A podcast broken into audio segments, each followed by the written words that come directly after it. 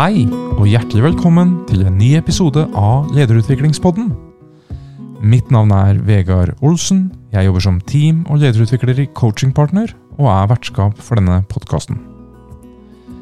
I Lederutviklingspodden så snakker vi med både lidenskapelige lederutviklere og modige og engasjerte ledere som har ulike vinklinger på temaet ledelse og lederutvikling.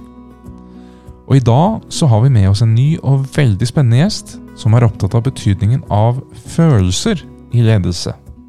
Og som mener at våre emosjonelle ferdigheter som ledere blir ekstra viktige i framtiden.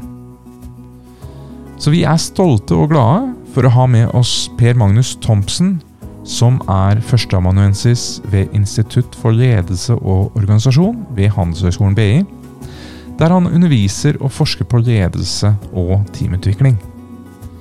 Han er også psykologspesialist med bakgrunn fra Universitetet i Oslo, og har i flere år jobbet som terapeut for ledere. Et av temaene han er spesielt opptatt av i sitt arbeid, er tilknytningsteori. Som handler om hvordan vi ble vant til å forholde oss til andre mennesker i oppveksten, og hva dette betyr for oss i dag med tanke på relasjoner til andre og det å lede andre mennesker. Så med tilknytningsteori og følelser som utgangspunkt, så gleder vi oss til å høre Per Magnus sine tanker, tips og perspektiver når det gjelder lederutvikling. Hva er det viktig for ledere å være bevisst på når det gjelder det å utvikle sine emosjonelle ferdigheter? Og hvordan kan vi trene på disse ferdighetene i praksis? Og med det så ønsker vi deg hjertelig velkommen til Lederutviklingspodden.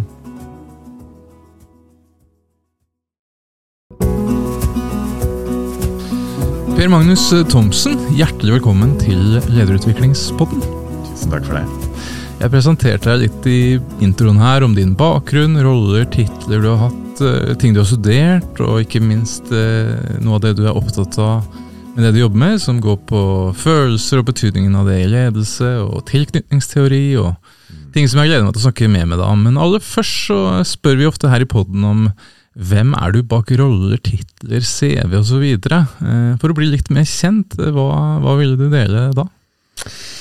Ja, um, ja Hvor begynner vi da? Eh, akkurat nå om dagen så, så, kjenner jeg meg aller mest som en litt trøtt og forstrukket firebarnspappa. Mm -hmm. Vi, eh, vi fikk, skulle ha barn nummer tre eh, her for et par år siden, og så ble det tvillinger. Og da, siden det har det vært eh, vært litt røft, for å si det sånn. Så det er, det er lite søvn og mye, mye, logistikk og ja, den greia der. Så det er ikke sånn du går og kjeder deg sånn mye om dagen? Ingen måte. Jeg gleder meg til jeg om x antall år kan kjede meg litt. ikke sånn. Det blir vel blir lenge til det blir noen nye titler, sånn professoropprykk. Det, det ligger veldig langt fremme. Det er ikke på agendaen nå? Det er uh, langt, uh, langt, frem dit akkurat nå. Ja. Ja. Og Du har jo bakgrunn både som psykolog, spesialist, forsker, foreleser, konsulent, mange forskjellige ting her. Eh, hvordan har den reisen vært liksom, fra Nå sitter vi her på BI da, i mm. Nydalen. Hvordan har den reisen din vært egentlig fra der du begynte, til det du jobber med i dag? Ja, hvor langt skal jeg begynne? Min reise begynte jo for så vidt på BI da jeg var eh, 20 og studerte siviløkonom. Eh, hvor jeg etter jeg tror sånn to uker på siviløkonomstudiet tenkte at eh, jeg er helt, helt feil sted. Og okay. gråt og var helt fortvila og led meg gjennom det første året. Før jeg kjøpte meg slengbukser og begynte på Blindern. Og tok uh, psykologi i grunnfag og ble fornøyd igjen. Mm -hmm. Så det, så det begynte, begynte, der. Og så, så, ble det jo ganske mange år på universitetet da, med etter hvert uh, ja, profesjonsstudie i psykologi og og jobb som, eh, som, kliniker først. Da. Så jeg jobbet eh, noen år med, som parterapeut og mekler og sånt på familiekontor. Det var min første jobb.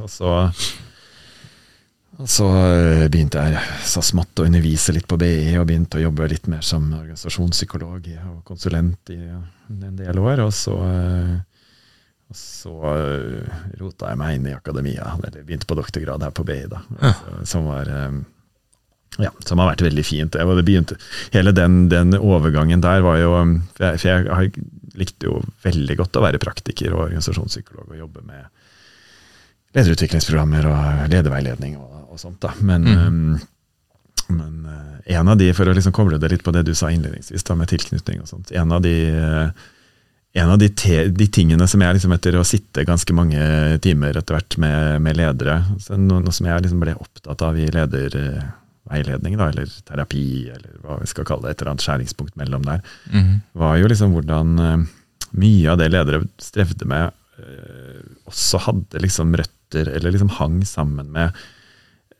mer sånn dypere psykologi. da.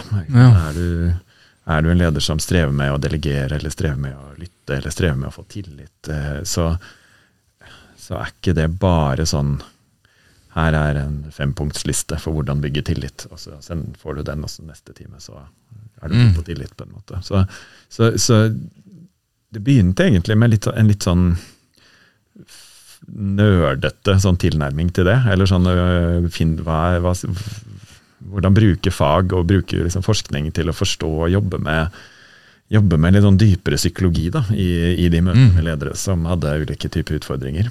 Mm.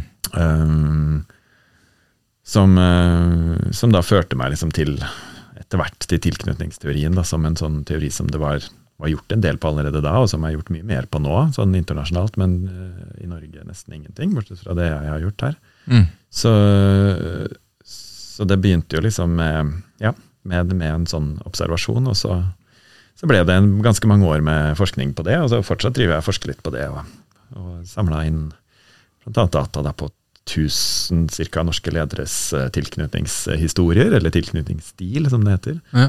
Som, uh, som, er da hvordan, hvordan, er jeg i relasjonen i, i, mine helt nære relasjoner? Da? Hva er mine erfaringer og mine måter å føle på og uttrykke meg på i de relasjonene. Er jeg en mm. som rygger og skrur av følelsene når noe er vanskelig, eller er jeg en som er litt, eh, litt sånn var på er jeg inne eller er jeg ute, kan jeg, kan jeg stole meg på deg?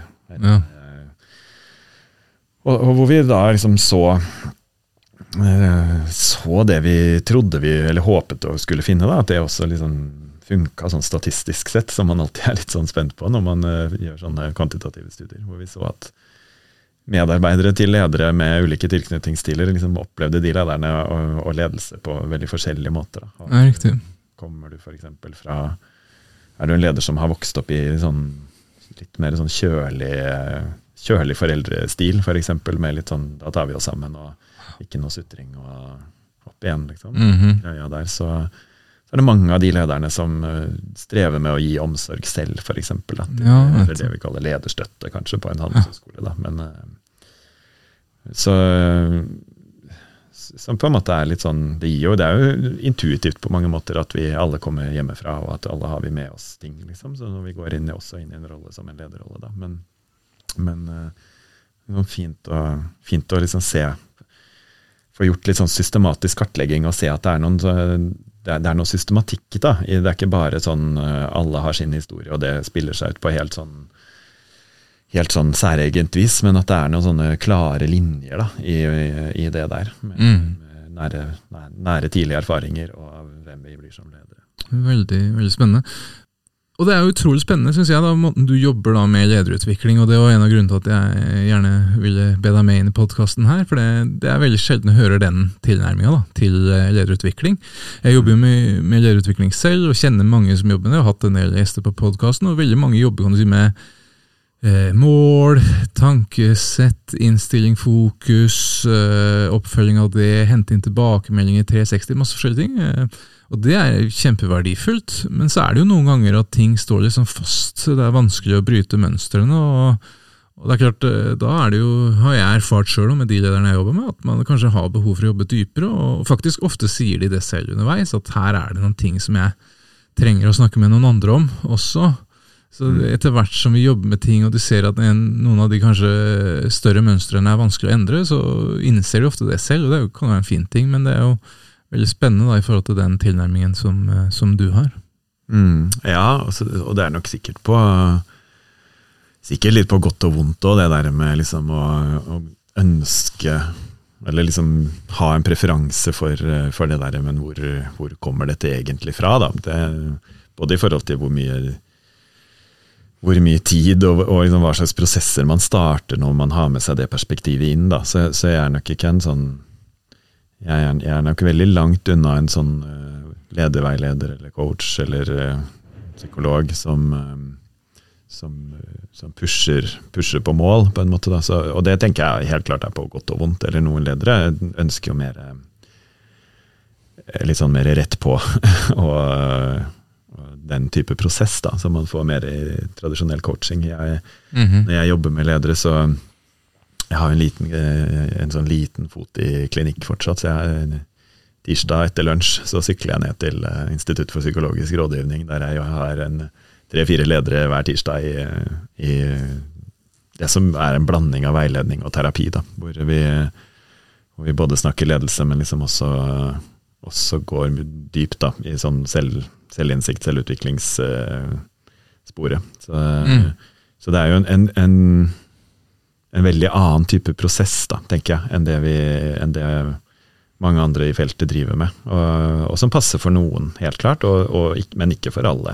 Men Man starter vel med at man har en annen form erkjennelse av et problem som man har lyst til å ja, adressere? Ja, ikke sant? og det som er utfordring, eller det som, hvis jeg skal være, være litt sånn djevelens advokat med meg selv, på en måte, så jeg tenker jo uten å liksom Jeg tenker jo at, eller erfarer jo at at uh, det, den bestillingen til veileder eller coach ikke alltid er det jeg tenker er bestillingen, eller det vi kommer til som bestillingen etter hvert. Da, Og at noe, av min, noe av min jobb i de første timene er på en måte å, å re, reformulere, eller liksom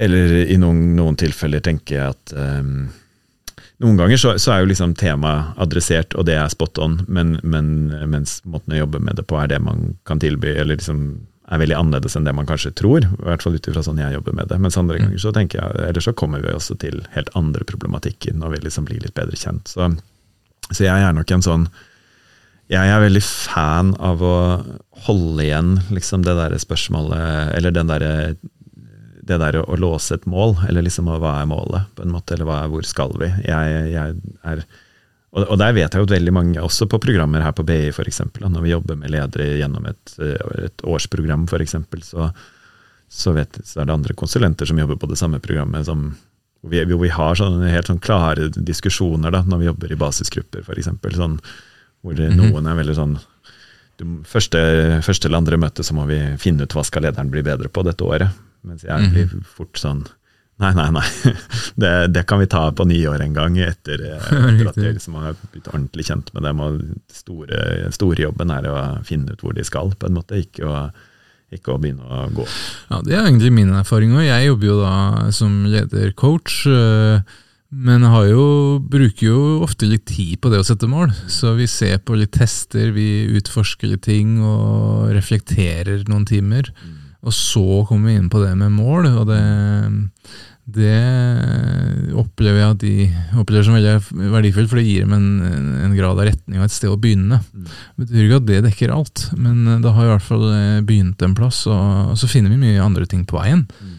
Og vil sette andre mål og, og, ting underveis, da, kan du si. Ja, ja.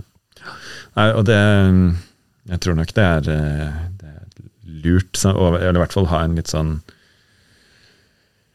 en, ehm, en viktig, en, sånn god refleksjon rundt det, da, og, noen, og, og, være litt sånn åpen på det. Og noen vet jo veldig hvor de skal og trenger verktøy, på en måte, mens andre, andre ja, Det er jo liksom hvor, hvor, motivert man er for å gå dypt òg, da. Jeg, ja. eh, og hvis man får inn eh, sånne temaer som man, som man, ofte kan få inn hvis man jobber mer sånn klinisk eller sånn terapeutisk med dem, også, det er jo også at man jobber med de temaene som man skriver sånne temaer som mange syns er eh, juicy temaer, da, sånn som narsissisme f.eks. Og, det, og det er jo aldri en leder som kommer inn og sier at du, jeg er narsissist, kan du hjelpe meg med det? Liksom? Eller, hvilke mål skal vi ha nå? på en måte. Uh, så da er jo liksom um, Da er jo mye av jobben på en måte liksom det å både bygge allianse og gradvis liksom forstå de temaene, eller jobbe seg i, rundt de temaene på måter hvor uh, hvor det blir en fin prosess, da, og, hvor, og mm. hvor liksom det som det som man både i litteraturen på en måte kan oppleves som noe sånn kynisk og kaldt, og, og et sånn der drittsekktrekk, til å liksom omformulere det og, til det det egentlig er, som er sårbarhet. Sånn, Mm -hmm. hvor, liksom, hvor narsissisme alltid handler om, om ordentlig sånn såre, vonde ting, og, og Mm. vi liksom eksempel måten vi har strevd veldig med å klare å forholde oss til egen skyld- og skamfølelse, eksempel. Ja. Og det som handler ofte om, om, eh, om mye om foreldre eller oppvekst eller mobbing, eller liksom tøffe ting da, som man har blitt for store utviklingsoppgaver på et tidspunkt, hvor, hvor noen av de strategiene man har tydd til, som har vært rasjonell og fornuftig på et tidspunkt, på en måte i voksenliv og i et arbeidsliv, eh, kommer ut som noe veldig destruktivt. Så, så måten dere jobber på, og du jobber på, er at man er et produkt av hva man har opplevd gjennom livet, og, og, og derfor er det viktig å måte, gå litt inn i det og forstå det. I hvert fall med de som ønsker det. da. Ja, ikke sant? Det, ja helt klart. Og det, og det er jo der man um, Og så er jo ikke det en sånn ting Eller det er jo der på en måte Igjen en psykolog sikkert jobber veldig annerledes med ting enn en coach, da, på godt og vondt igjen, på en måte.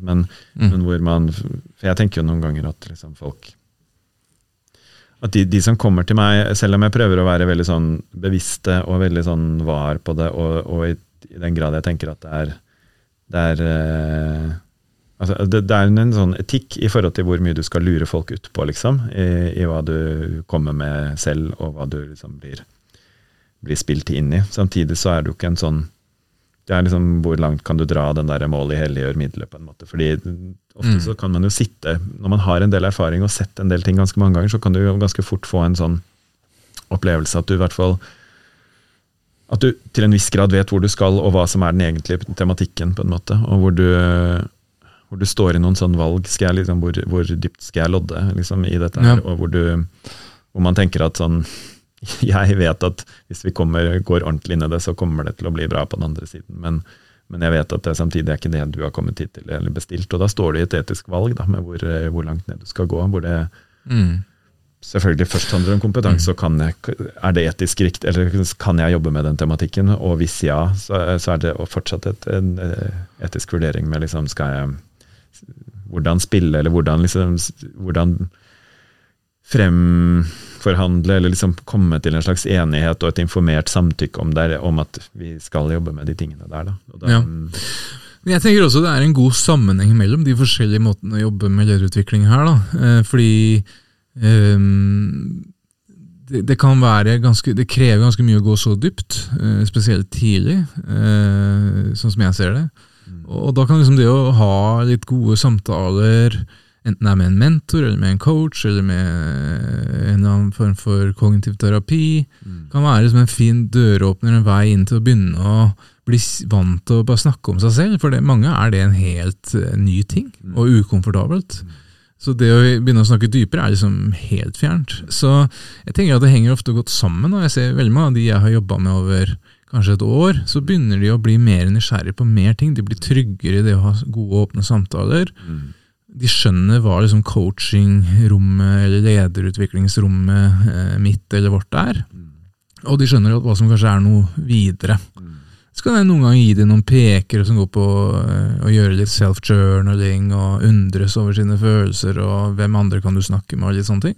Og så gradvis er det en del som faktisk eh, i sitt eget tempo og seg selv sier å, nå har jeg lyst til å gå, nå har jeg lyst til å snakke med noen, en, noen profesjonelle på det her på et dypere nivå. Jeg hadde senest i går en samtale med en eh, om, om det.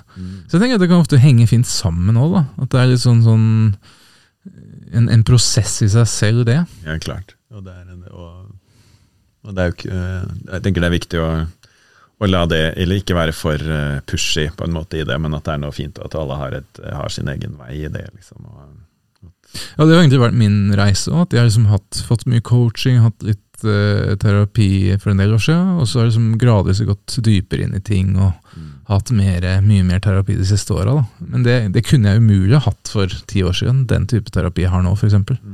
Så det er liksom en, en, en naturlig utvikling for mange av de tinga, sånn som jeg ser det. Men tilbake til litt det vi, vi snakker om her, til begynnelsen. altså Betydningen av følelser i ledelse.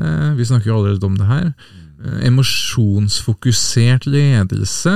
Eh, Kan du si litt mer om, om det, og hvorfor det er eh, viktig? Uh, ja, det var et stort spørsmål. Det er det jo. Men uh, Ja, altså i, uh, Det fins jo liksom mange, mange sånne fine perspektiver på det som har med hvem, hvem vi er og følelsene våre og relasjonene våre og sånt. Da, hvor, hvor eh, ja, den andre tradisjonen som jeg kommer fra, i tillegg til tilknytningsperspektivet, er jo, er jo den emosjonsfokusert terapitradisjonen da, jeg, som jeg har liksom både både der jeg jobber, hvor jeg er på en måte det, det stedet i Norge hvor vi driver med videreutdanninger og sånt på det, og hvor eh, ja, jeg Mhm. har selv utdanna meg og jobber mye ut ifra det, og også tatt inn i forskning etter hvert. Eh, Så i, i det feltet der, som er en, en tradisjon som kommer egentlig fra sånn humanistisk psykologi, blant annet, eh, så er man jo så er man jo liksom opptatt av um, altså, At følelsene har liksom forrang da, på, på mange måter. og det, Som er en, en, det motsatte av i Sånn som med kognitiv psykologi, for eksempel, som er en annen stor tradisjon i både hvordan behandle folk og hvordan liksom forstå mennesker. Mhm. Man tenker at hvor Man gir tankene forrang, da, på en måte. Og hvis du tenker sånn, altså hvis du har liksom de og de måtene å prosessere informasjon på, eller de og de logikkene i hodet, så er det ikke noe rart at du blir eh, redd for å fly, f.eks. Hvis du tenker sånn og sånn. Mhm. Eller så er det ikke noe rart at du blir mye lei deg. på en måte. Sånn at det vi må adressere og det vi må jobbe med, er, er det filteret du ser verden gjennom, da, som er tankene dine, og, mm. og sånn du ser. Mens i, i de, den, de retningene i psykologien som på en måte har, har fått eh, også mer oppsving de siste årene. Da. Kognitiv psykologi jo, har jo vært veldig dominerende i en del tiår, sånn 80-90 Mhm. og sånt. Men så, liksom, så bytter man litt om og tenker at sånn, følelsene følelsene er fulle av informasjon, på en måte, full, øh, og, og, og er det vi både liksom, Når vi jobber med endring, da, så jobber vi mye mer med å prosessere følelser og endre følelser med følelser og sånne typer prinsipper. Jeg kan si, Vi kan gå mye mer inn i det hvis vi skal det, men, mm. men, men utgangspunktet er liksom at, at vi starter med følelsene, og at følelser er, er et informasjonssystem som formidler, eller forteller både oss selv og omverdenen om behovene våre, hva vi trenger for å ha det bra, på en måte, eller hva vi trenger nå. Mm. Ikke sant? Hvor vi kan tenke oss at når, vi er, når jeg er redd, så trenger jeg å kjenne beskyttelse, f.eks. Og kontroll, for eksempel. Når jeg er sint, så trenger jeg at noen tar meg på alvor og respekterer grensene mine. Ja. Når jeg er lei meg, trenger jeg trøst. Når jeg er skamfull, trenger jeg å føle meg likt og tålt og elskbar. Når jeg har skyldfølelse, trenger jeg tilgivelse eller få, gjort det godt igjen. Ja. Når jeg er, eh, er misunnelig eller sjalu, så trenger jeg å føle lojalitet og inkludering. Altså, så, -hmm. At det er et helt sånn Og for alle som liker sånn eh, Jeg holder mye som foredrag om det der. og liksom det der bare bare idet jeg liksom viser listen over følelser og behov, så er det jo alltid veldig mange som tar opp kamera og tenker sånn Hadde jeg visst dette for 20 år siden? Hadde jeg visst at, at det er et sånn det er et så ryddig landskap. da. Det er sånn Ja. Excel-ark-ryddig med følelser, på en måte, og Mm. som er veldig langt unna sånn vi tenkte om følelser før. Mm. Enten sånn, og som vi fortsatt gjør litt sånn på, på handelshøyskoler og sånt, i, at følelser er litt sånn et, enten et bra sluttprodukt eller et dårlig sluttprodukt i en forskningsmodell. hvor sånn, Gjør vi sånn og sånn, og lager de og de type, eller den og den type ledelse fører til positive følelser eller negative følelser, eller som vi ofte kaller noe annet. da, Lav jobbmestring istedenfor skam, f.eks., eller jobb, jobbengasjement istedenfor glede. og sånne ting. Mhm. Men, øh, men øh, Så vi er fortsatt der i, her i ledelsesfaget på, i stor grad. Da, at vi ikke liksom gir følelsene nok plass, etter mitt syn. Ja, nettopp. Men Mm. øh, å forstå motivasjon også helt sånn gammeldags i forhold til hvordan vi forstår det innen følelsesforskningen. Men, men det, fine liksom med, det fine med følelser er at det er det er, så, det er så ryddig, da. Tanker, øh, Du som også har jobbet mye med tanker og kognitiv, kjenner det godt. Mm. Folk tenker jo fryktelig mye rart. ikke sant? Sånn tanker Mm. er, og det er jo helt motsatt av sånn, vi går langt tilbake i tid, sånn Descartes for sant? hvor tanken og fornuften var liksom det edle og det vi ville fremdyrke, mens følelser var sånn, sånn slitsomt irrasjonelt, sånn greier. Barn hadde mest av det, uregulerte følelser, og kvinner hadde også Mhm. ganske mye av det. Og, men vi menn, vi, har, vi må dyrke, rendyrke fornuften og frigjøre oss fra sånne irrasjonelle følelser. I dag så er det jo helt motsatt. ikke sant? Hvis, eller sånn, sånn det, når man jobber igjen til igjen, eller sitter i, sitter i et terapirom f.eks., så, så kommer vi aldri dit som, som psykologer at vi tenker sånn Det at du er, er, kjempesint, eller det at du er lei deg nå, det, jeg skjønner ingenting av det. Jeg klør meg i hodet, og det gir ikke mening. Ikke vi kommer alltid dit at følelsene våre gir ja, mening og gir masse nyttig informasjon. Mens ja. uh, tankene våre er uh, fryktelig mye rart. så det er liksom følelsene som informasjonskilde, og ja. som å forstå verden og hva som skjer. Ja, i hvert fall forstå oss selv, altså, og forstå andre. Ja, forstå selv andre. og sant, som et sånn hvis jeg forstår hvis, jeg både, hvis jeg forstår eget følelsesliv, altså både sånn klarer å nyansere Ikke sånn nå, nå, her, nå, er det noe ugreit, eller nå er det greit, på en måte, eller nå er det noen følelse, jeg vet ikke helt hva det er.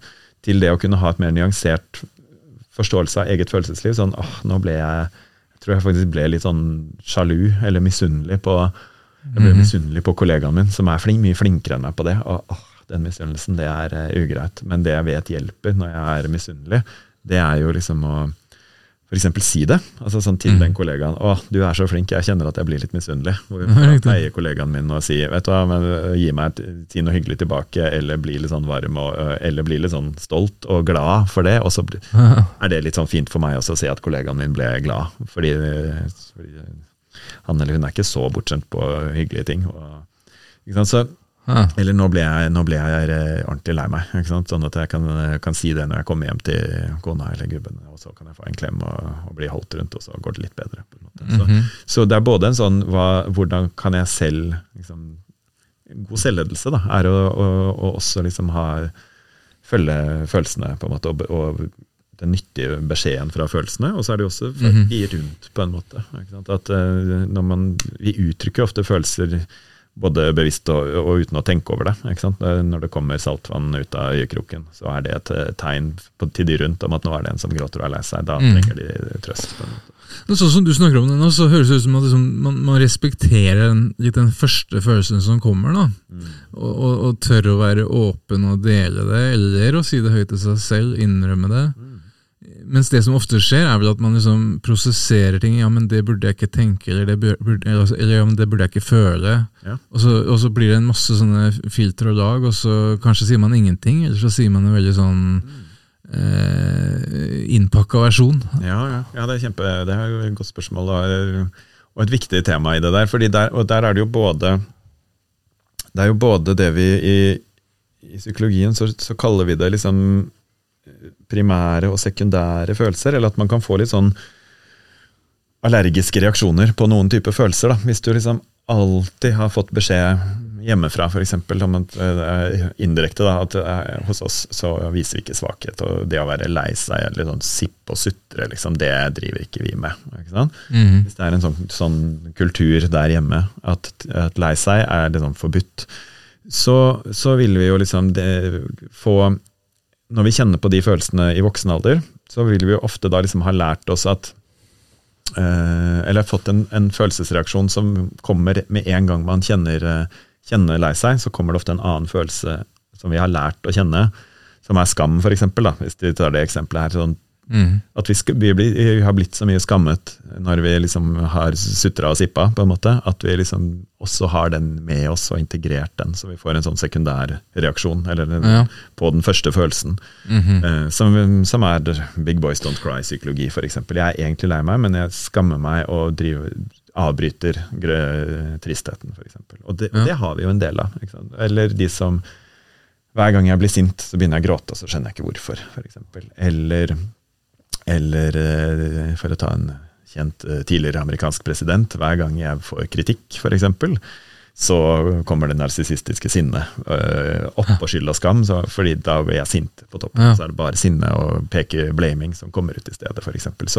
Og vi har jo alle til en viss grad noen sånne følelser som er litt mer sånn grumsete da, enn andre som er mer sånn velfungerende, fra at du kjenner det til at du tillater deg å kjenne det, og har språk for det, og et ansiktsuttrykk som henger sammen med det, og som gjør at du får behovet dekket av de rundt, f.eks. Så vi har stort sett har alle noen følelser som er, de er komfortable med. sånn jeg er helt komfortabel med å bli forbanna, liksom, men, men, jeg vil ikke være sånn svak og sutrete. Eller eh, jeg tør å gråte, men jeg, jeg er en person som aldri er sint. på en måte. Mm.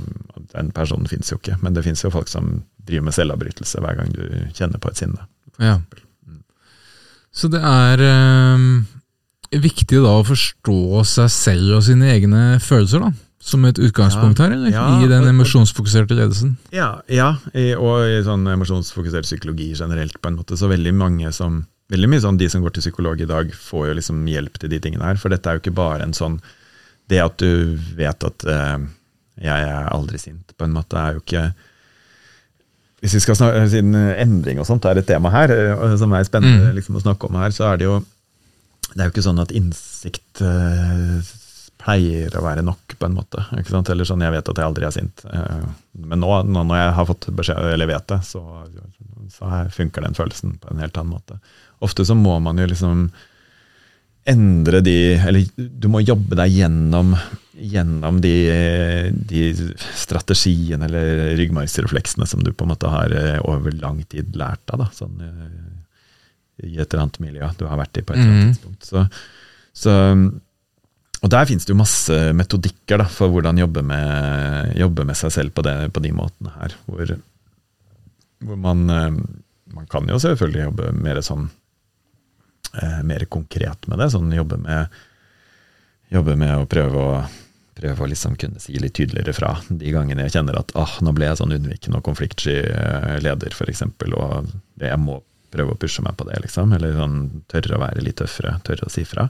Det er jo en veldig sånn, en sånn mer en sånn coachende måte, og en sånn hvor du, hvor du jobber mye selv mellom timer og sånt. Og, Ja. med det på. Så, og, og for noen så passer jo den veldig fint. For andre så Og sånn jeg ofte jobber med det, er jo på en måte prøve å jobbe mer, mer sånn med de emosjonelle prosessene, da, eller som vi jobber med i den, den terapitradisjonen. Eh, hvor, man, hvor man liksom eh, prøver å komme i kontakt med opprinnelsen til de Ja. liksom lande, lande der, der problemet eller skaden oppsto, på et vis, da, før du kan, kan komme deg videre. Og det kan jo liksom handle om sånn at hvis du har hvis du aldri er sint, f.eks., eller klarer ikke, klarer ikke å være sint, så, så vil man jo f.eks. prøve liksom å hvem, Hvor kommer det fra? på en måte? Er det, er det en sånn selvinstruks? Er det styggen på ryggen, som, eller djevelen på skulderen, som, som sier det, ikke være sint, på en måte? Eller sånn du er så, du er så feig som ikke tør å være det, eller liksom alle Du har ikke noen god grunn til å være sint, på en måte. Mhm. Eh, og prøve liksom å, gå- å gå, i, gå i dialog med styggen på ryggen, da, på en måte. Mm. Hvor vi liksom var og hvor vi, Hele endringsmekanismen er på en måte å prøve å aktivere andre typer følelser. Og Det kan jo også være en person. ikke sant? Det kan være sånn jo, det er far eller mor som alltid på en måte har liksom sett på deg med en gang du liksom begynner å, begynner å vise litt tegn til å bli sint. Så har du fått det der iskalde blikket som gjør at du liksom har step down. liksom. Mm. Og, da, og det å jobbe liksom prosessuelt med de følelsene, da, for eksempel, og, og der jobber, jo, jobber vi jo mye etter sånne sånn gestaltprinsipper, og med sånn, det vi kaller sto, stolarbeid, hvor vi f.eks. sier sett, eh, sett faren din i stolen, da. Så, så henter vi en stol. Ser du han der, på en måte. Sett deg over der, vær pappaen din som, som hysjer på deg, og liksom skammer deg når du skal kjenne deg når du kjenner at du er sint. Mm. Og liksom, si, hva pleide han å si da? Og så sette sett deg tilbake i din stol. Og så jobbe på den måten der, da. Og Mm. det som ofte skjer når vi jobber prosessuelt med følelser på den måten der, er jo at du liksom da får vi reaktivert eller kommet i kontakt med ting som, eh, som vi ikke er vant til å komme i kontakt med. da. Hvor, Mm. hvor man, eh, hvor man enten f.eks. får en godhet for seg selv, eller får et, klarer å stå opp og liksom kjenne på et sinne mm, på ekte. liksom, Ja. Mot det som har bedt deg å slutte å være sint, eller sånne type ting. Som, og som, som er helt andre typer prosesser, da, men som er Ja. veldig vir virkningsfulle. og og som er grunnen til at terapi Det kom, det kom en sånn metaanalyse på det bare for noen, en måned siden. Som viser liksom hvordan det derre det er, så mye, det er så effektivt endringsarbeid hvis du klarer å få opp noe temperatur i rommet. Det, hvis man klarer å liksom ikke bare være i sånn fortelle om, men være i, så er det en Mm. er noe sånn fin Eller øker sannsynligheten for positiv endring, da, hvis du Mm. får til, får til litt temperatur, eller at du er i, i følelser, i opplevelser, i, når du jobber med endringsarbeid. Men uh, samtidig som det selvfølgelig ikke er sånn at det er den eneste veien til endring. Og det fins masse i de andre tradisjonene også som er gull. altså det er ikke det. Men ø, i hvert fall der jeg er Jeg, jeg er jo Jeg, Jeg syns det er spennende å være sånn i en sånn livslang sånn søkeprosess etter Jeg elsker jo det spørsmålet liksom, hva, hva gir endring, som du liksom Mm. har liksom som utgangspunkt her. Og i min sånn jakt på, på intervensjoner og metodikker, da, så, så er jeg i hvert fall de siste fem årene vært veldig, veldig i det landskapet der. Hvor, hvor Ja. det liksom Det kjennes som å ha fått en sånn Litt som å ha bytta bil og fått en eh, Lamborghini med en gasspedal som er veldig Altså, det, du kan trykke på noen Med en gang du trykker der, så får du så masse Det er så mye kraft da, i, det, i det å jobbe med, jobbe med følelser på den måten der. Og hvor er ledere i forhold til det? Altså, min erfaring er at mange ikke er vant til å snakke om seg selv eh, noe særlig i utgangspunktet. og og mange, kanskje spesielt i en norsk setting, syns det er liksom litt sånn eh, egoistisk, nesten. At man skal sitte og bare snakke om seg selv, Ja. i, selv i en coaching-setting. Eh, Ja. og, og hvor er det da med liksom å gå inn så eh, si, dypt som du og dere gjør her? da? Er, er man åpne for det som ledere, eller er det en spesiell type si, målgruppe? Ja, det kan du si. Ja, dette, det er sånn, den måten jeg snakker om nå, det er jo ikke en sånn måte jeg jobber med ledere på i programmene her på BI f.eks. Dette er jo Mhm, dette er de som går, går til meg over, over lang tid. mhm. Hvor vi, så, hvor vi kanskje har 20-30-40-50 samtaler på et vis da, over år ofte. Mhm. Um, hvor um, Men um, jeg opplever nok liksom også at det er en sånn Jeg kan kjenne igjen det du sier, da, med liksom den der, og at folk kan liksom Eller at folk reagerer ulikt på det der å få, få mye plass, på et vis. da, Men samtidig så tenker jeg at vi, vi er i en sånn vi er i et skifte, da, der vi, Mhm. der vi liksom går mot, mot mer at Både Jeg tror mange eldre ledere opplever at liksom de, de nye generasjonene, da, X og Y og Z og og, heter- hva de, de heter, at det, de, som, de som kommer mer og mer inn i arbeidsmarkedet, at det, det er jo unge folk som, som er mye mer vant til, til å forholde seg til voksne som er emosjonelt kompetente. Hvis vi ser på hvem, hvordan er Mhm. kompetanse på følelser i barnehager, liksom hvordan det har endret seg den siste generasjonen. Da. De siste 20 årene så har du hatt ganske høy grad av eh, PED-ledere som er drill, eller som er ordentlig, ordentlig flinke og, Ja.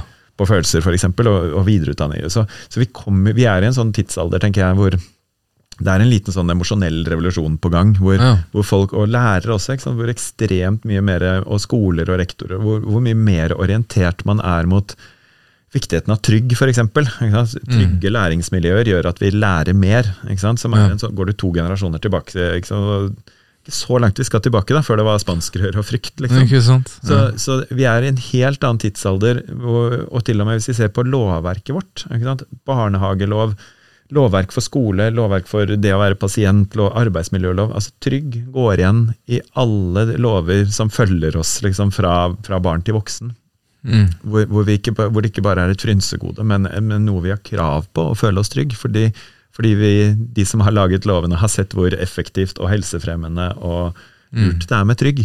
Ja. Uh, så, så vi er jo på en måte i en tid der, der uh, hvis, du som, hvis du har gått gjennom det løpet, da, hvis du er 25 år og har gått gjennom det løpet med masse kom, emosjonelt kompetente folk rundt deg, og så kommer de i arbeidslivet og får et den, det første sånn møte med ikke-emosjonelt eller relasjonelt kompetent leder, så kan det være ganske sånn tøft og bratt møte. da, Mm. med en som, Og det tror jeg mange ledere mange som har, som har vært ledere i mange år, begynner, forteller meg i hvert fall at de kjenner igjen den derre De unge har høyere krav, da, eller høyere forventninger til det noen de, de som er litt mer sånn kritiske til det, høyere krav til å bli dullet med og forstått med og liksom stryke medhårs og, og sånt.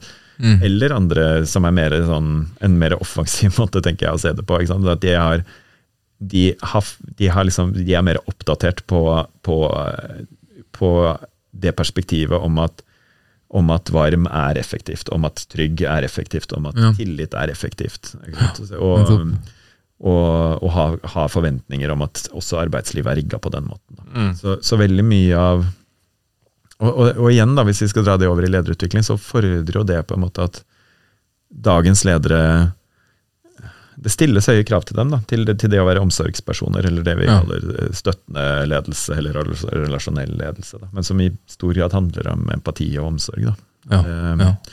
Så disse tingene blir viktigere og viktigere, og det skjer mye der. Det, selv om vi kanskje ikke alltid får det med oss, så skjer det faktisk eh, veldig mye. Og har gjort det gjennom de siste ti åra, og fortsetter å gjøre det. Og jeg hørte en podkast, en BI-podkast, oppgradert, der du snakka om at disse emosjonelle ferdighetene blir stadig viktigere, og det er jo litt det du snakker om her nå. Og, og mange snakker om det, men den psykologiske tryggheten blir jo stadig eh, et, et viktigere tema som mange er veldig opptatt av. De har sett nettopp det du sier der, om at det, den tryggheten den skaper så mye.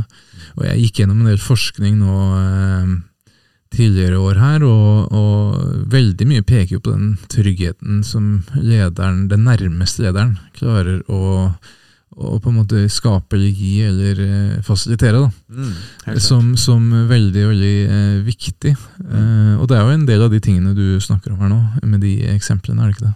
Helt klart, helt klart. Og psykologisk trygghet har blitt sånn buzzword på godt norsk her de siste ja, fem-ti årene, kanskje. da. Særlig fem, kanskje. Det er veldig veldig mange som er opptatt av det om dagen. Mm. Um, og det er jo supert, på en måte. Det er jo et sånn i, Jeg tror mange opplever at det er litt sånn, en litt, helt sånn ny vinkling, på en måte. Og det er jo på mange måter litt sånn nytt i vårt felt, eller på business school, schools også. Mm. At uh, Amy Edmundsen og co. har liksom rullet ut uh, den ideen om eh, at trygg er så tett forbundet med prestasjoner til ledergruppe, f.eks. At er det, tør du å stille dumme spørsmål, og kjennes det trygt å være i gruppa, så får du bedre diskusjoner og bedre beslutninger, f.eks.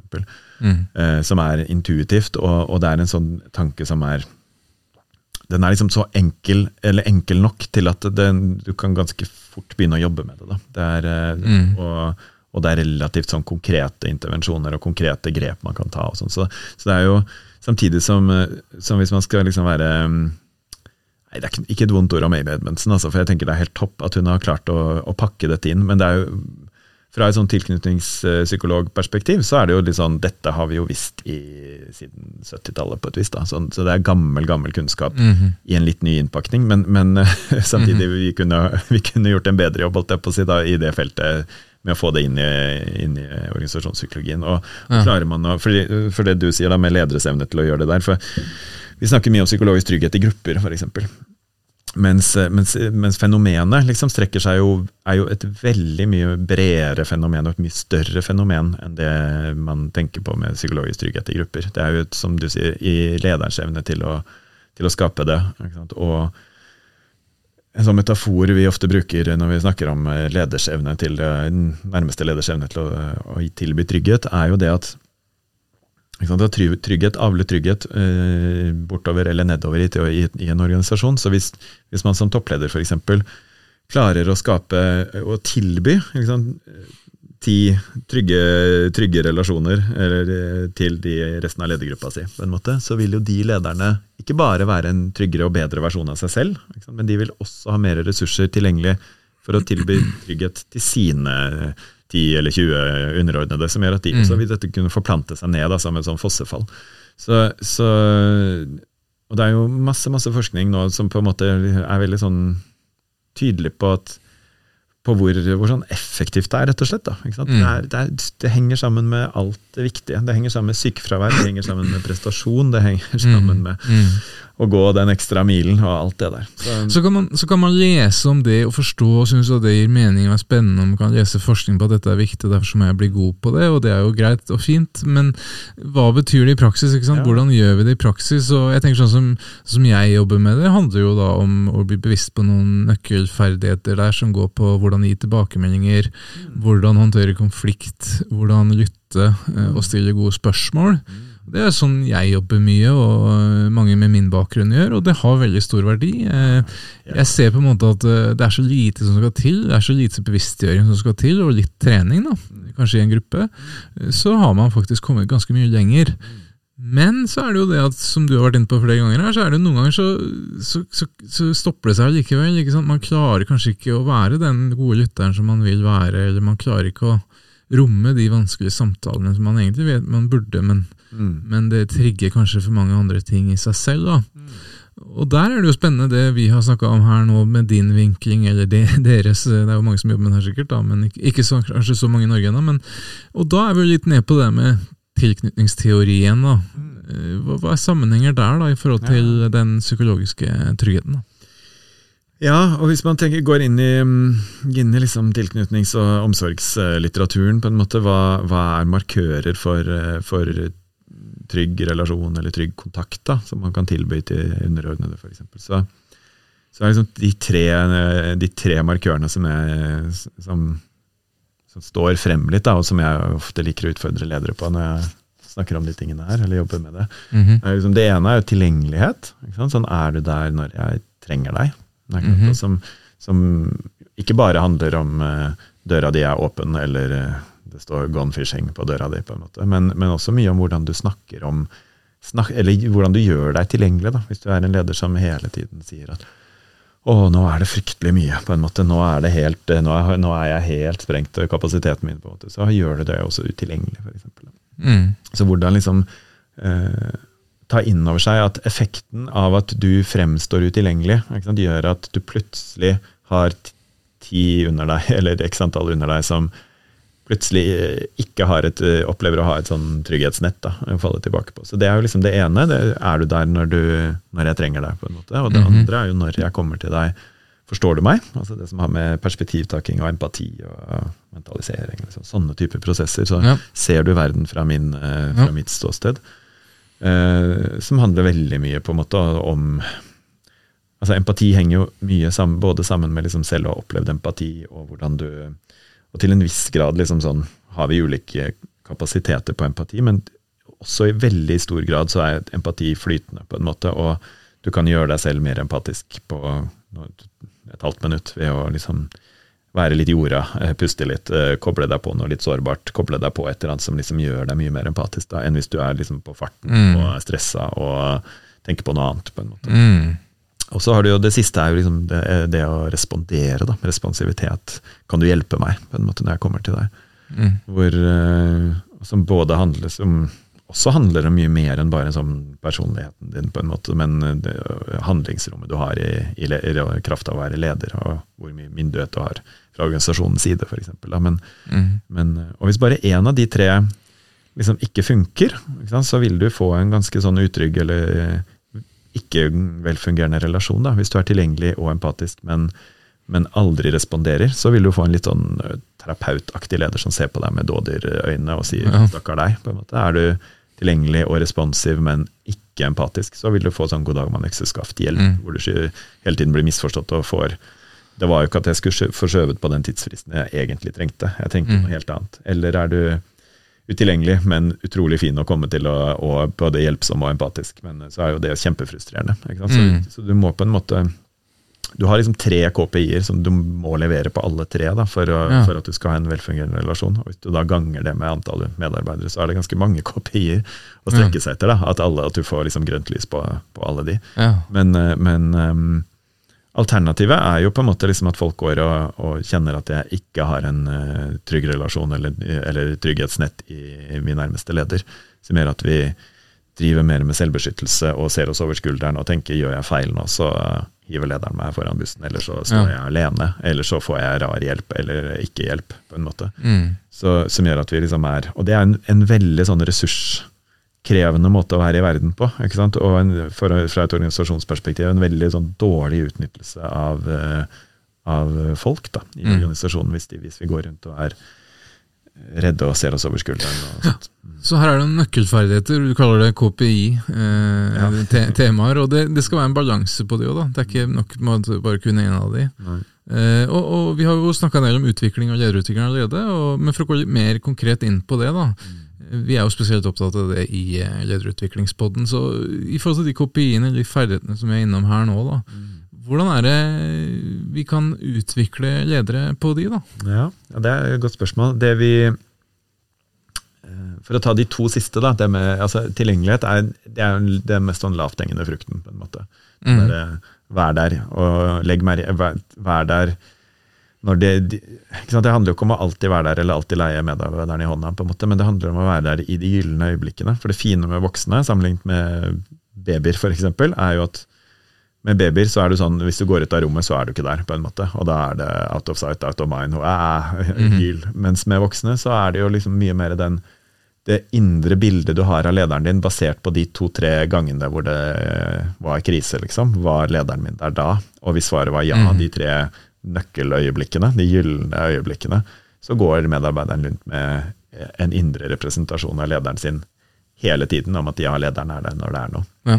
Så det handler jo mye om å legge merke til de gylne, eller ta inn over seg det derre uh, when the shit hits the fan, på en måte. Mm. Da er det ekstremt viktig å være der, på en måte. Ja. Så det er jo det ene. Mens, mens de to andre er jo hakket mer krevende da, å utvikle seg på. Men, og der har vi også vært, eh, og det var litt av min inngang også inn i det, hele det emosjonsfokusert eh, feltet. fordi det, noe av gullet der ligger jo i, i de gode intervensjonene, de gode verktøyene.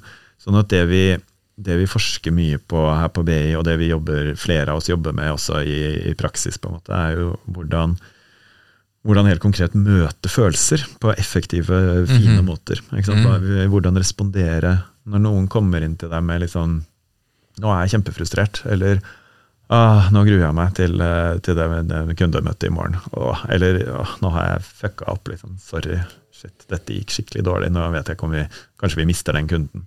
Um, og av og til så ønsker vi jo liksom at medarbeidere ikke skal tas ut av vanskelige følelser. Da. Hvis du er en uh, slusk som alltid kommer for sent på møte uh, og uforberedt, så vil jo ikke lederen at du skal ta bort skyld og skam. Da skal du kjenne litt på skyld og skam for at du skal stramme deg opp. Men ofte så er jo møte, ledere i møte med medarbeidere hvor man ønsker å ta bort Ta bort at du er veldig trist eller veldig forbanna eller veldig redd eller veldig skamfull. på en måte. Mm. Eh, Og at, man, og at god ledelse eh, nettopp er på en måte å hjelpe medarbeidere videre i trøblete følelser. Når, du kommer med en, når du kommer inn, inn døra med et problem, så har du liksom både du har liksom to ting. Du har både selve den saken, eller den konkrete problemet, og du har også en opplevelse knytta til det problemet.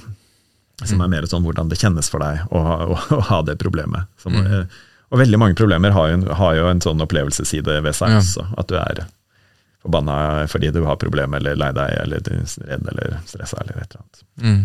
Så, og, og veldig mange ledere er jo i overkant eh, sånn eh, gode på problem eller problemløsning, eller Ja, bare ikke hoppe på Ja, vet du hva, det fikser vi. Og så liksom, Du Mm. gjør bare sånn og sånn og sånn, og så får du noe sånn, et råd.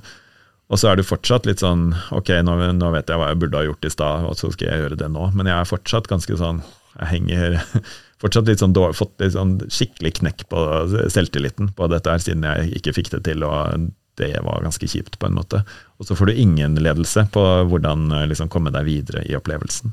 Mhm. Så det, det verktøyet, eller liksom de ferdighetene vi jobber med der, er jo eh, en sånn grunnferdighet som heter validering av følelser, f.eks. For eksempel? Ja. Fordi det veldig mange ledere gjør i møte med vanskelige følelser, er å prøve å, å ta folk ut av de ubehagelige følelsene. Ikke sant? Si 'nei, nei, men det går bra', eller sånn Mm. 'så gærent, eller hva gikk det ikke', eller det, det møtet, jeg er helt sikker på at det ikke er så ille som du sier nå, eller distrahere, men du, nå tar vi en kopp kaffe i stedet, og så koser vi oss litt. Ja. Eller, litt sånn, eller litt sånn strengere, men nå må vi tenke fremover. Gjort er gjort, og spist er spist. på en måte. Så, så vi har alle veldig veldig vanlige eh, måte å møte følelser på, er å prøve å dra folk ut av en opplevelse, ofte med gode intensjoner. da, Hjelpe Mm. deg ut av, ut av vanskelige følelser. Mm. Og Der er liksom det store paradokset at ved å gjøre det, så blir jo ofte de ubehagelige følelsene større og ikke mindre. Ikke sant? At du blir hvert fall hvis du alltid liksom sånn Jeg har du alltid går i sånn Å, nå fikk jeg det ikke til denne gangen heller. Eller, eh, nå, jeg, nå ble jeg ikke valgt denne gangen heller. Eller liksom, da er det sikkert noe med meg. Eller, eller nå, nå er jeg stressa, og jeg er alltid stressa. Det er for mye hele tiden. på en måte. Og, og hvis du aldri liksom blir hørt på de følelsene eller lagt merke til, så bare bygger det seg ofte opp. Da. Sånn at du, eh, og at i tillegg over tid så får du kanskje også liksom en sånn opplevelse av deg selv som en som har liksom feil følelser eller for store følelser, eller er en sånn person som driver og ja, føler mye. Mm. Eh, sånn, en emosjonell person, f.eks. Mhm. Og så det, det, det lure, eller den, den gode ferdigheten, da, er jo å prøve å ikke dra folk ut av opplevelser, eller sånn prøve å dra dem ut, for det, det funker Mm. aldri. Nå må du ta deg sammen. Har aldri gjort at folk slutter å føle en vanskelig følelse. Eller det går bra, på en måte. Det, hele den derre det positive opp igjen. Kom igjen, liksom. Hvis du tenker på eh, barna våre og sånt også, i møte med dem. liksom sånn Mm. det, når vi hjelper dem videre med følelser, er jo når vi orker å gå inn i det sammen med dem. Og, så, så vi gjør det der skillet mellom å invalidere følelser, som er å prøve å dra dem ut av det, som veldig sjelden hjelper, og det å validere følelser, som er det å gå inn i følelsen sammen med dem. altså Først være, bruke empati, empatien vår, og når vi, er, når vi liksom skjønner litt hvordan det er å være der, så, gir vi dem, så vi, så trener vi ledere i det å liksom uttrykke det der at de gir mening at de har det sånn som de har det. Ikke sant? Så Det er ikke noe rart at du ble Nå når jeg hører liksom hvordan det møtet gikk, og hører hvordan du liksom Og dine refleksjoner etter møtet, da skjønner jeg at du blir selvkritisk, eller skjønner jeg at du, liksom, at du ikke har en god magefølelse. Det gir Mm. mening. Og så trenger du ikke være enig om at det var et dårlig møte, men du kan, være, du kan si at det gir mening at du har de følelsene du har, gitt at du liksom opplevde det på den måten. Mm. Og det er jo liksom noe av det som er det som virkelig, virkelig hjelper folk i det å komme videre i følelser. Det der at noen andre blir med inn og Mm. gir uttrykk for at it makes sense at du føler det sånn som du føler det. Ja.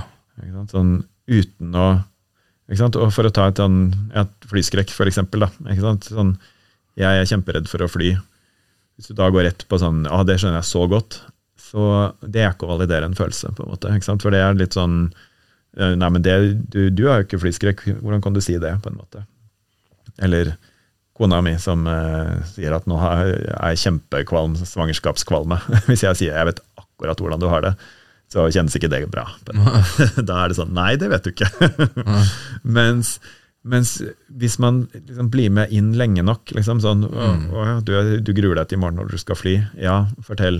Jo, fordi jeg får bare masse sånne bilder i hodet mitt om flykrasj og statistikk, og, og jeg, det, det går bare helt Og jeg kjenner det bare knyter seg inni meg. Og da kan, det kan du validere. Vet du, når jeg hører liksom hvor, hvor redd du blir av de bildene inni hodet ditt når du skal ut og fly, da skjønner jeg så godt at du skikkelig skikkelig gruer deg til å fly. Ja. Og det kjennes godt, å, å, å bli sett på den måten der, og få en sånn Da er, det, jeg, da, da er jeg i hvert fall ikke klin gæren som, som har de følelsene, og så er det et lite stykke på vei. Eller, eller når noen er skikkelig lei seg, bli med inn og, og være der. Ja, det der er kjempetrist. Og så liksom bare åh, takk, nå er det noen der. Nå er det en uh, livline, på en måte.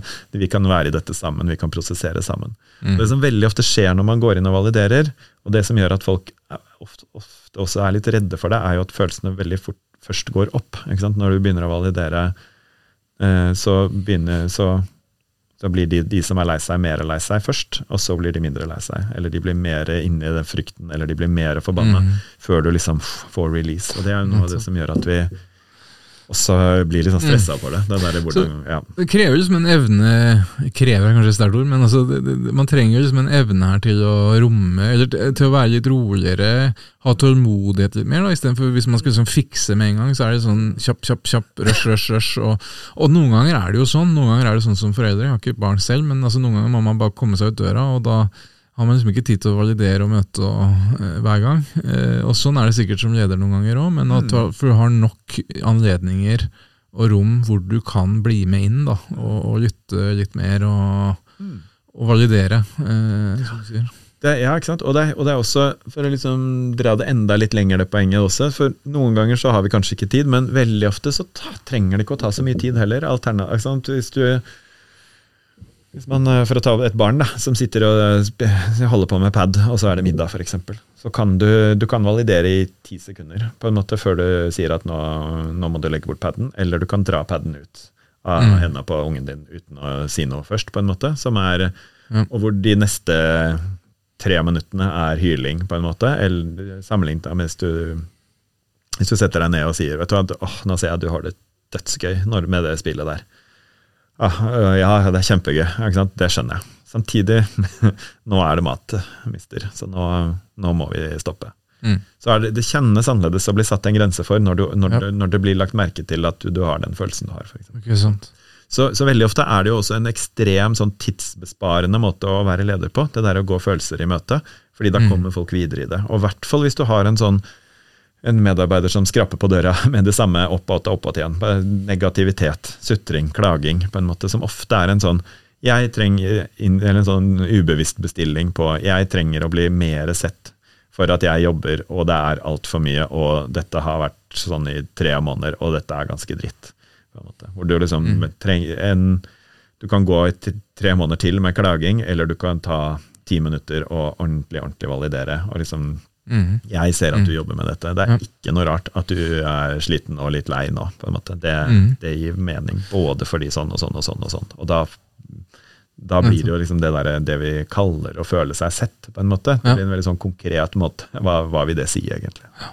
Så du har egentlig vært innom noe, den der med tilgjengeligheten, den eh, empatien, eh, og kanskje også respons? Eller, i det Ja, ikke sant? for noen ganger så er dette Det er interessant, ja, fordi noen ganger er responsivitet, eller hjelp, da, det, der, det, det å validere liksom gå inn i en opplevelse og, og bare jobbe på opplevelsessiden av, en, av noe som er trøblete, nok i seg selv. Mm. Og andre ganger så må du jo samtidig liksom også jobbe med problemløsning. Da. Det er jo ikke sånn at vi bare kan Det, ikke, det må ikke bli en sånn hammer hvor, hvor du hvis lederen har vært på kurs og blitt god på validering, liksom, så skal du bare validere og slutte å gjøre alt det andre. Men, mm. men, det er liksom, men av og til, og det, og det, så, og det er noe med liksom å gi det det er noe med liksom å gi det nok plass og stole litt på en prosess da, når, du, når, du jobber, eh, når du jobber mer sånn relasjonelt med folk. Og liksom tenke at det at jeg setter meg ned og lytter og, og, og ordentlig, ordentlig tar deg på alvor og opplevelsen din på alvor? Mm. Det, det er hjelp i seg selv. Det, nå Ja. jobber jeg på opplevelsessiden, og så kan vi jobbe på sakssiden eller problemsiden etterpå. Mm, sant? Og, og, det, og en annen sånn Det er jo ikke alltid at vi i forhold til sånn hjelp eller responsivitet, det er jo ikke alltid at vi kan møte folk på, på det de ønsker seg, men vi kan likevel validere. Ikke sant? Sånn at Mm. en av tilleggsferdighetene når vi jobber med validering, enten det er i lederutvikling eller i foreldreveiledning eller andre typer sammenhenger, er jo også validering pluss grensesetting. Ikke sant? Vi kan til og med Mm. Jeg skjønner jeg skjønner at du er kjempeskuffa over eh, at du ikke fikk eh, lønns- eller pålegg eller forfremmelse. For du har jo både liksom Du har jobba kjempehardt. Du har sånn og sånn og sånn, og du fikk Mm. gode resultater. Det er ingen sånn ting å ta deg på. Det, er masse, det er masse gode grunner til at du liksom står langt fremme i køen i forhold til det. Samtidig ikke sant, så er situasjonen den at sånn og sånn og sånn. og sånn. Mm. Så ergo, det blir ikke, det blir ikke lønns- øh, eller opprykk. Men jeg skjønner veldig godt at det er en, en tøff, kjip beskjed å få. på en måte, At du kan Mm. være der. Mm. Så, så det å møte følelser, og det å liksom jobbe og lede også på opplevelsessiden, ikke bare på problem- eller sakssiden, er på ingen måte å bli en ettergivende leder. Det er en Mm. leder som, som kan spille på, spille på begge de sporene, da, som veldig ofte er liksom til stede. At det er Ja. en, en menneskeside og en saksside da, av et Mm. problem. Jeg snakker ofte om de myke og de harde ferdighetene. jeg. Eh, og, og det har gitt egentlig eksempel Ja, på det, det det, du si. sa der nå. Mm. Altså du, som, du, du validerer på og ser, men du er altså tydelig i informasjonen. Mm. Tydelig i tilbakemeldingen. Mm. Og som, som ansatte så vil jo jeg føle meg sett, og jeg vil føle at jeg fikk mer informasjon da, om hvorfor. Og veldig ofte får man jo ikke den informasjonen heller, og så blir man litt sånn fortolkende og snakker med fem venner om hvorfor skjedde det her. Ja. Og så gjør man seg opp en masse ulike hypoteser om hvorfor, og så ja. Så det er så det, ja, nei, det er en fint, eh, fint skille. Og så er det jo liksom mange ting nå, hvis man sitter og hører på dette her og tenker sånn Det er forskjell på å være forelder eller ektefelle eller en nær venn, da, og liksom gå inn i de følelsene til noen på en måte som man kjenner godt og er glad i, og alt det der, og en mer sånn medarbeider du ikke har liksom vært på dypt vann med på den måten før. Og sånt. Så, og, det, og det er jo helt klare, klare forskjeller, eh, selv om det er en del likheter i foreldre-barn og leder-medarbeider-relasjon. Det er noe Mm. asymmetrisk relasjon begge deler, men det er også noen klare forskjeller. Og, Ja. Mm. og, så det er jo noe med liksom å bruke, bruke Hvis man skal liksom utvikle seg de mer som, som relasjonell leder, da, utvikle liksom relasjonsporteføljen sin, så, så er det jo noe med å noe med å gjøre det på en sånn eh, I hvert fall sånn når vi jobber med trening, og så, så er det jo fort den derre hvordan unngå den der, eh, at når lederen kommer tilbake, sånn at medarbeidere tenker sånn Shit, nå har lederen min vært på kurs-greia. Det, for nå er det noe helt rare nye greier lederen min driver med. Ja. Eh, så det er jo noe med liksom å gjøre Altså gjøre det på litt sånn eh, naturlige og ekte måter, hvor du må bruke du må bruke magefølelsen da, og skjønn og være liksom påkobla den andre, ikke liksom bli sånn Og ikke, ikke bli sånn eh, Hoppe liksom inn i det, eller bli sånn Det kan bli too much òg, da. Med den Mm. Du skal jo ikke bli noe sånn terapeutaktig i det der heller. sånn Mm.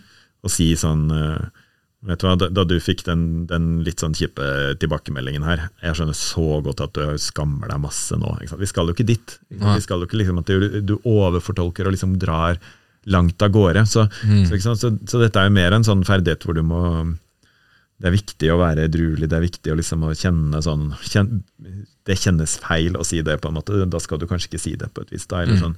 men, men samtidig noe, å balansere det opp mot litt den derre ah, jeg hopper altfor fort til problemløsning og hopper bukk over opplevelser. Hvis du alltid gjør det, så må du jo samtidig utfordre deg litt. da. Ja. Sant? Og, det, og, og kanskje stille noen spørsmål og lytte og høre litt før du, før du sier Vet du hva, det, det skjønner jeg. på en måte. Og det, når jeg jobber med lederutvikling, så snakker vi mye om liksom, å finne noen måter å prøve ting ut, og identifisere noen liksom, eksperimenter.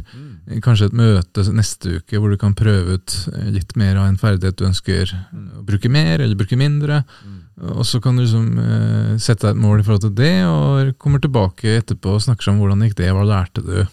Eh, Hva tar du med deg til neste? Hvilke er nye eksperimenter du kan eh, jobbe med? Eh, Men jeg vil spørre deg også litt sånn i forhold til igjen lederutvikling her. Da. Nå har vi jo snakka veldig konkret på ferdigheter som er veldig viktige, og hvordan man helt konkret kan jobbe med de. Så det tenker jeg er veldig bra, for det er jo noen ganger kritikken jeg hører til som lederutvikling, at det blir for soft og det blir for Men jeg syns jo det vi snakker om nå er veldig konkret. Det er liksom én, to, tre eh, kjernetemaer. og jeg regner med at lederutvikling handler om både liksom lære om å bli bevisst på det, pluss å trene på det. Og når man da har gjort det, hvordan kjenner man igjen da at en eh, leder har blitt bedre på disse tingene? Går det an å si noe litt sånn universelt om det? Ja, og jeg tror lederen selv er den som best kan svare på det. Liksom. Men Mm. vi, vi, når vi forsker på dette, her, så prøver vi jo vi har ikke gjort noe, Dette er jo relativt sånn nytt, så vi har liksom, selv om vi har to doktorgrader på dette, her, vi er flere som liksom forsker på det her på instituttet, og sånn, så har vi ikke kommet dit at vi har gjort noe sånn det man kaller sånn longitudinelle studier, der vi følger ledere over tid og liksom ser, ser endring på den måten. Da. Så Mhm. Der vi er nå i, i forskning på dette her, det, det, det verktøyet vi har snakket om nå, da, med validering og sånn, det er mer at vi, vi ser at medarbeidere som, som beskriver lederen sin som en som gjør mye av de tingene der, er gode på å møte opplevelsene da, og, og gyldiggjøre opplevelser og sånt. At, de, Ja. at det er medarbeidere som også eller at det henger sammen med andre positive ting, da, som god relasjonskvalitet eller andre positive sånn utfall i et arbeidsliv. Mm. Så, så jeg tror til, til sånn eh, Det beste svaret på altså det, det, det er veldig ofte sånn erfarer erfarer når jeg jobber med folk med det der, er er på den ene siden at det er veldig trenbart. Vi hadde en eh, vi har hatt et sånt stort forskningsprosjekt eh, på, eh, det var på Universitetet i Oslo med hun eh, Nadia Ansar, som har skrevet eh, som akkurat nå ligger på toppen av disse bok, boklistene, boklistene med den Min skam. Mhm. kona Raja, som har skrevet Min skyld. Hun hadde et, eh, hennes doktorgrad er på den ferdigheten her, men i foreldreveiledningskonteksten, eh, konteksten da, hvor vi Mm. var ti psykologer i Oslo, og Bergen som jobbet med 250 familier, eller noe sånt var det vel, eller foreldre i 250 familier, hvor, hvor barna, barna strevde og hadde ja, ulike typer problematikker, da, hvor vi drilla disse foreldrene og gjorde dem rågode på validering og grensesetting og Mm. reparasjon, sånn unnskyld og sånne ting kombinert med validering. Så, så de fikk noen sånne grunnferdigheter på hvordan ordentlig ordentlig møte barns opplevelser. da. Ja. Eh, sånn som skolevegring. Jeg vil ikke på skolen.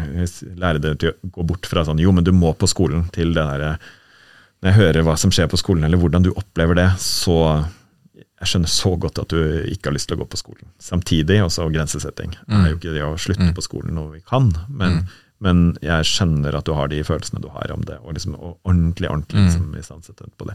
Det vi så der, var jo at eh, For der fikk vi jo sånne effekter at lærerne og BUP og liksom alle sånne instanser ga veldig sånn gode data på uh, skolevegring ned, symptomer ned, sånne Ja, typer ting. riktig.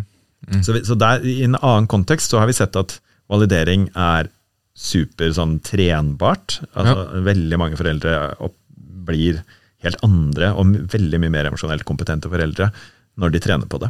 Mm. Og at, det, og at resultatet da ikke bare er i form av sånn 'dette syns jeg har vært nyttig sjæl', eller har vært spennende, men at vi også ser det på de, de som altså Barna i dette tilfellet, da, men også medarbeidere, hvis vi skulle dra over det, at uh, sannsynlig at de også kjenner, kjenner forskjellen, på en måte. Mm.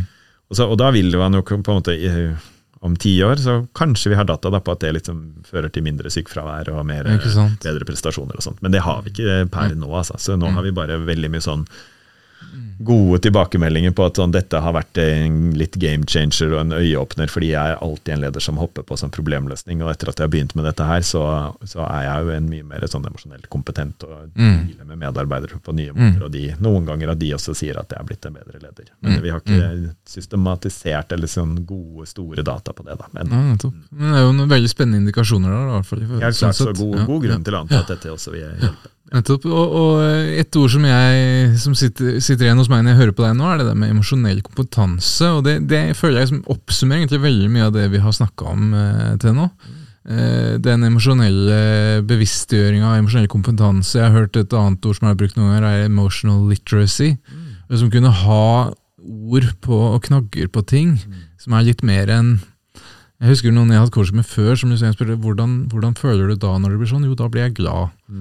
Og så stopper det der. liksom. Man har ikke noen flere farger å putte på det. Eller noen eh, kompiser fra gamle dager som er sånn Det er bare noe gærent med hodet mitt. Så stopper det på det der. Så veldig mye her handler jo om liksom emosjonell kompetanse, da. Og det handler jo om egentlig å lære eller bli bevisst på først. Og jeg tenker sånn, så hvert fall, Nå vet jeg ikke hvordan ting er på BI her nå, men jeg har studert på BI selv før, og jeg har studert, jeg har tatt en mastergrad i ledelse i England, og det var jo ikke noe tema vi noen gang var innom. Den gang i hvert fall. Eh, Men det er kanskje noe mye som skjer der også, eller? Ja, ja delvis, altså. Men, eh, ja, jeg hadde min første ja, jeg har ofte en sånn sesjon med masterstudenter sånn helt i starten av studiet, hvor, vi har, en- hvor de får noen timer med soft skills, på en måte. Og jeg mistenker at det er de timene de får i løpet av de to årene, med, hvor vi er jobber jo med veldig det sånn, disse tingene her. da. Så det er bitte litt bedre enn ingenting, men, men eh, jeg tror vi har veldig langt å gå. Jeg, jeg, eh, her på BI er vi ordentlig gode på en del sånn større etter- og videreutdanningsprogrammer. Da kommer vi sånn én til én og får jobbet litt sånn Mhm. prosessuelt med folk, og kommer får liksom pirket litt borti dette her. Mens Ja. de store massene, der, eh, der har vi enda mer å gå på, ja. Ja. Men, eh, Mm. men, men vi er på vei dit, tenker jeg. Altså, vi, vi tar inn over oss det der at hvert fall sånn, Nå kjenner ikke jeg alle de andre instituttene og andre fagområdene, men, men i ledelsesfaget vi tar liksom inn over oss det gradvis mer og mer det der at det er jo ikke noe sammenheng mellom hvor mange ledelsesteorier du kan nevne og, og gjøre rede for, og, og hvor god leder du er. på en måte. Veien til å bli en bedre leder er jo ikke å pugge, pugge ledelseslitteratur. på en måte. Det er jo mye mer de prosessene som handler om å bli kjent med deg selv, de holdningene som er å være nysgjerrig på hvordan du oppleves av andre, selvinnsikt, mm. relasjonsferdigheter. eh, Mm. Så det er jo fint å ha begge deler, men det er vel fortsatt en ubalanse der, da. På at man eh, kan Ja, trenge mer. Og, og der, vi, vi spiller oss helt utover sidelinjen hvis vi bare lærer dem om uh, ledelsesteorier, på en måte. Ja. du, du blir jo ikke noe bedre. Alle som jobber utenfor en akademisk setting, altså som jobber med lederutvikling i konsulentbransjen, er jo der Eller sånn hadde det, vært som, hadde det vært sånn i matematikk, da, at du blir bedre, bedre i matematikk ved å regne og lære om matematikk, og ikke gjennom selvinnsikt, på en måte, så hadde man jo drevet med, drevet med det. Men, men i ledelsesfaget så er det ikke sånn at du blir bedre leder av å lese ledelses, bare le, Nei, teorier. det det, er nice to know de store funnene på et vis, da, men, Mm. men eh, på et eller annet tidspunkt så, er det, så stopper den eh, stopper ganske fort. Da. Mm. Det er fint å vite om litt, noen litt store funn, og så, må, så er det mye mer et praktisk fag og et håndverk, og, og du er veldig mye deg selv inn i rollen som leder. Og det, er- det er utgangspunktet. Mm. Et annet tema vi eh, er veldig opptatt av i eh, lederutviklingsboden, er inspirasjon. og jeg vil egentlig bare spørre deg, Hva er det som inspirerer deg mest da, når du jobber med lederutvikling og med ledere? Eh, ja å, Det er mange ting. Det, altså, jeg syns jeg, jeg, synes jeg er superheldig som får lov til å jobbe med, jobbe med det faget. Um, altså det der, når- forskning og praksis liksom møtes altså det, der, liksom de, det er alltid det jeg prøver å jage, også når jeg går inn i nye forskningsfelt. på en måte, det der, Mm. den derre trekløveren mellom sånn Her er det ikke så mye forskning, men det er, så det er helt sånn i startgropa. Så det er et sånn spennende fagfelt. Mhm.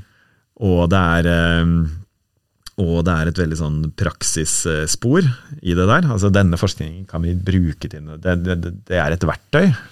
Liksom, og, det ligger, eh, og det ligger mitt hjerte, psykologhjertet mitt nært, på en måte. Mm. de tre når de tre klaffer, alle de tre, da blir jeg sånn, hopper jeg på ting. Um, vi nærmer oss slutten her nå. Basert på din erfaring, dine erfaringer, hvilke tips og råd vil du gi til um, bedrifter som vil investere i sine team og ledere? Da? Det er jo mange forskjellige tilnærminger på det. Hva vil du si er en bra start? Ja, hvordan investere? Ja, hvis jeg skal, hvis jeg skal vri bitte litt på det der, så er det jo et, en vri av det der. Og det er jo også hvordan, øh, hvordan også investere i medarbeidere. Altså, Mhm. Fryktelig mange organisasjoner driver med lederutvikling. Veldig få driver med medarbeiderutvikling. Eh, så det å også tenke både som en sånn måte å bøte på det derre litt sånn trøblete greie at hvis du skal opp og frem og ha en karriere, så må du forlate faget ditt og bli leder. og fag, nei, Flinke fagfolk kan også være dårlige ledere. og hele den Ja, det- der. ja. At du kan liksom skikkelig dyrke medarbeidere og Mm. ikke litt tvinge dem i gåseøynene inn i lederroller, men ha kule løp for å være Mm. en fagperson. på En måte. En del organisasjoner er jo veldig gode på det, men, men, øh, men, men de, de få gangene jeg har blitt booka inn til sånn kan, vi, vi skal ha et medarbeiderutviklingsprogram. Vi, nå har lederne fått så mye. Mm. Jeg tenker Det er, øh, det er fin gjeng å jobbe med, altså. og det er en sånn lur måte å være organisasjon på. tenker jeg. Så Det er det ene. Men, øh, Mm. men ellers, ja, med lederutvikling og hvordan investere, som var opprinnelig spørsmålet ditt. Da. Um, nei, i hvert fall at man gjør at man gjør det. Og jeg tenker det, det, jeg på en måte syns jeg ser mye av, er det der å liksom kanskje ikke ha Kanskje ikke ha så mye plan for det, liksom. At det blir en litt sånn Mange organisasjoner har litt den derre så har vi jo det der årlige todagersseminaret. da. Skal vi, Mhm. skal vi ha, hanke inn en eller, annen, en eller annen forsker og en eller annen idrettsutøver og en eller annen sånn inspirator til å liksom si noe lure ting, og så skal vi, vi legge frem noe litt sånn interne greier også. Mm. Så, er det, så spiser vi en god middag. At det blir litt, litt mye sånn adhoc, istedenfor å ha Mm. og, liksom, eh, og det er jo vanskelig, altså. Det er ikke, det. Det er ikke sånn, nå- Nå harselerer jeg jo litt med det, liksom. Men, men eh, jeg tror liksom de gode de gode, eller, god måte å bruke de penga på, er å, er å tenke seg liksom Og det er jo den nye, de nye store metastudien på virker lederutvikling, eller når virker lederutvikling. Altså, for et år siden er jo også den derre Bruk tid på forarbeidet, liksom. Gjør en sånn øh, behovsanalyse. Yes. Ja, før du bare ikke liksom tenk den derre Nå har vi to dager på kløkken Klekken hotell, hva skal, vi, hva skal vi gjøre da? Men Mm. uh, finn Få ting til å henge sammen. Ikke sant? Hvis dette, først kommer strategiarbeidet, så kommer ledelsesprinsipper, så kommer lederutvikling for å integrere. Altså Bare noen sånne, liksom, hva er rekkefølgen, og, og vi, hvordan henger dette sammen med helheten? tror jeg er et veldig lurt spørsmål at sånn Ja. HR og sånt stiller seg. Og der Noen er råflinke på det, og liksom har er eh, i synk. Mange strever litt med det, og noen ganger med god grunn, og noen ganger med dårlig grunn, tenker jeg. Mm. Ja, vi har vært gjennom veldig mye spennende. Kjempespennende å høre dine tilnærminger på ledelse fra et sånn emosjonsståsted. Eh, Og vi har jo litt innom tilknytningsteori og, og ferdigheter som man kan trene på. Det der, sånn. Eh, hvis det er noen som vil høre mer om kanskje det, og måten du og eller dere jobber på, hvordan eh, er det beste måten de får kontakt med deg, eventuelt? Eh, nei, det ligger vel ting ute på nett av sånn be, be, lederens verktøykasse-greier og sånt. Hvis man går på min, eh, min eller tekster og alt mulig, så min side på BI f.eks., mitt Mm. navn pluss BI, hvis du googler det, så kommer det opp masse der, så vidt jeg husker. Ja. Så er jeg bare en mail unna, på en måte, så det er eh, Ja, Mm. det ligger jo en del ting der ute, og kommer noen bøker eh, neste år og om to år og sånt, om både tilknytning og Mm. lederutvikling og diverse, så ja. Mm.